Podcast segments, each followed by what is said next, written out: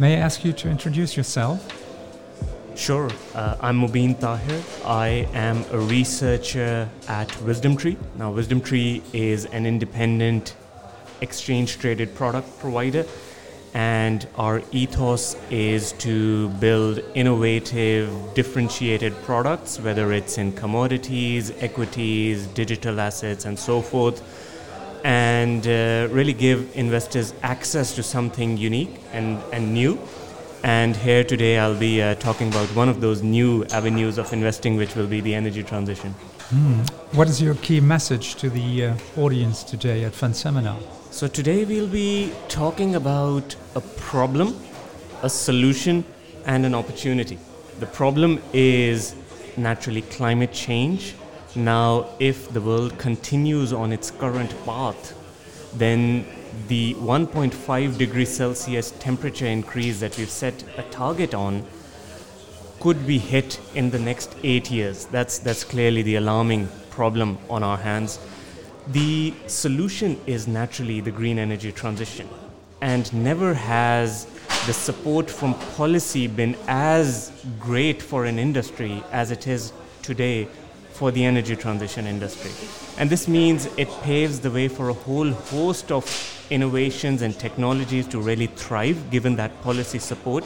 And that's where the opportunity lies for investors to not only invest in a theme that's making a positive impact on the world, but do that while still thinking about their risk return profile. Excellent. So, what investment opportunities does this megatrend provide?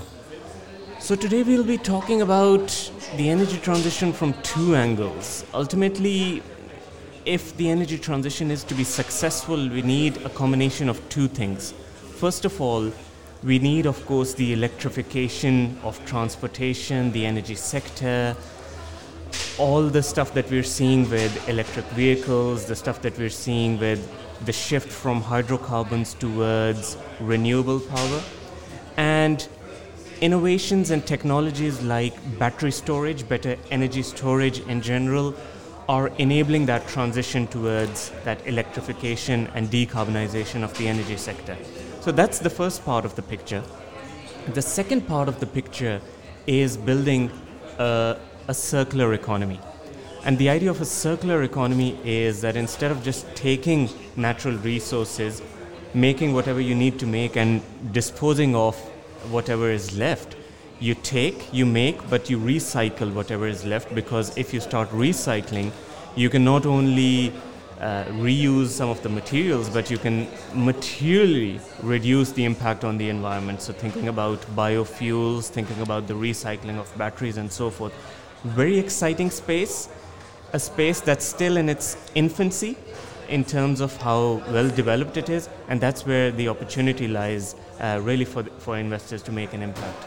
That's an exciting space indeed. Can you zoom in on some of these developments in technology and investment opportunities? Sure. So, maybe if we pick one from each of those stories in, in terms of the circular economy story, biofuels are definitely one very exciting avenue.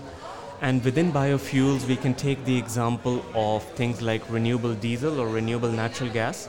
Now, currently, renewable diesel is only around 1% of the global diesel market.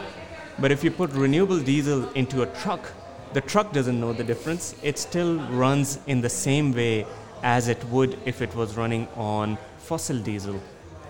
However, the environment does know the difference because if a truck is running on biodiesel, then its emissions could be 80 to 90 percent lower than, than fossil diesel. And biodiesel is produced from leftover vegetable oil. So you take uh, oil that's been used up for, for cooking and making uh, french fries and burgers, and instead of disposing it off, you give it away, and these, these technologies can use that and produce renewable diesel. Uh, renewable natural gas is another example where you go to landfills and capture methane emissions from the bio waste in landfills and produce a renewable fuel out of it. Renewable natural gas has an actually a, a net negative carbon footprint because you eliminate emissions at the source and you produce a fuel which is much cleaner than fossil fuel natural gas. Uh, so that's on the circular economy, and then an example on the energy storage side of things is better batteries.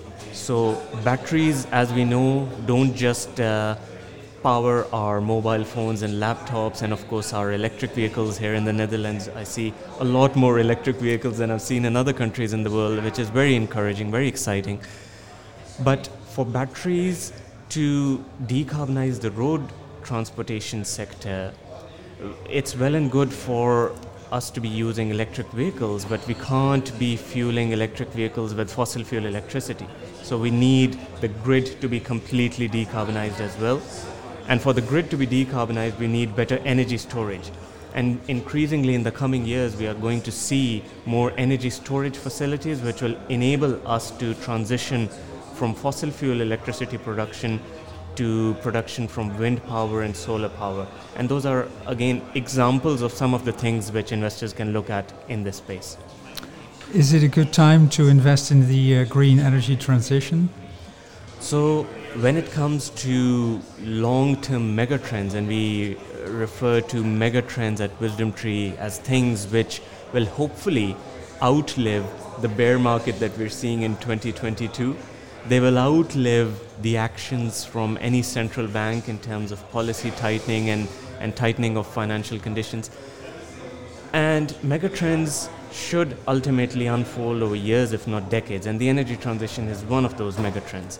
Now, this does not mean that a megatrend such as the energy transition is immune to the actions of central banks and what's, whatever is happening in markets. So, naturally, some of these innovative technologies have taken a hit in 2022 alongside other growth segments of the market. And many investors are seeing that as a good entry point because either you take the view that the megatrend is dead and therefore the opportunity is gone, or you take the view that prices are down, valuations are perhaps a bit more attractive than, than where they were in December 2021, and therefore it's a good time to go in if you still believe in the story.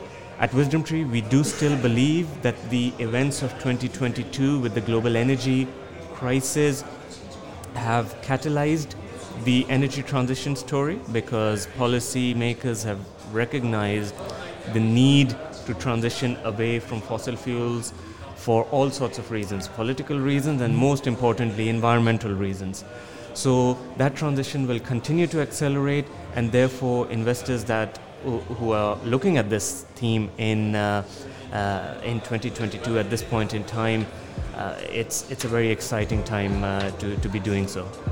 Very exciting time indeed. Thank you very much. My Thank pleasure. you. Thank you.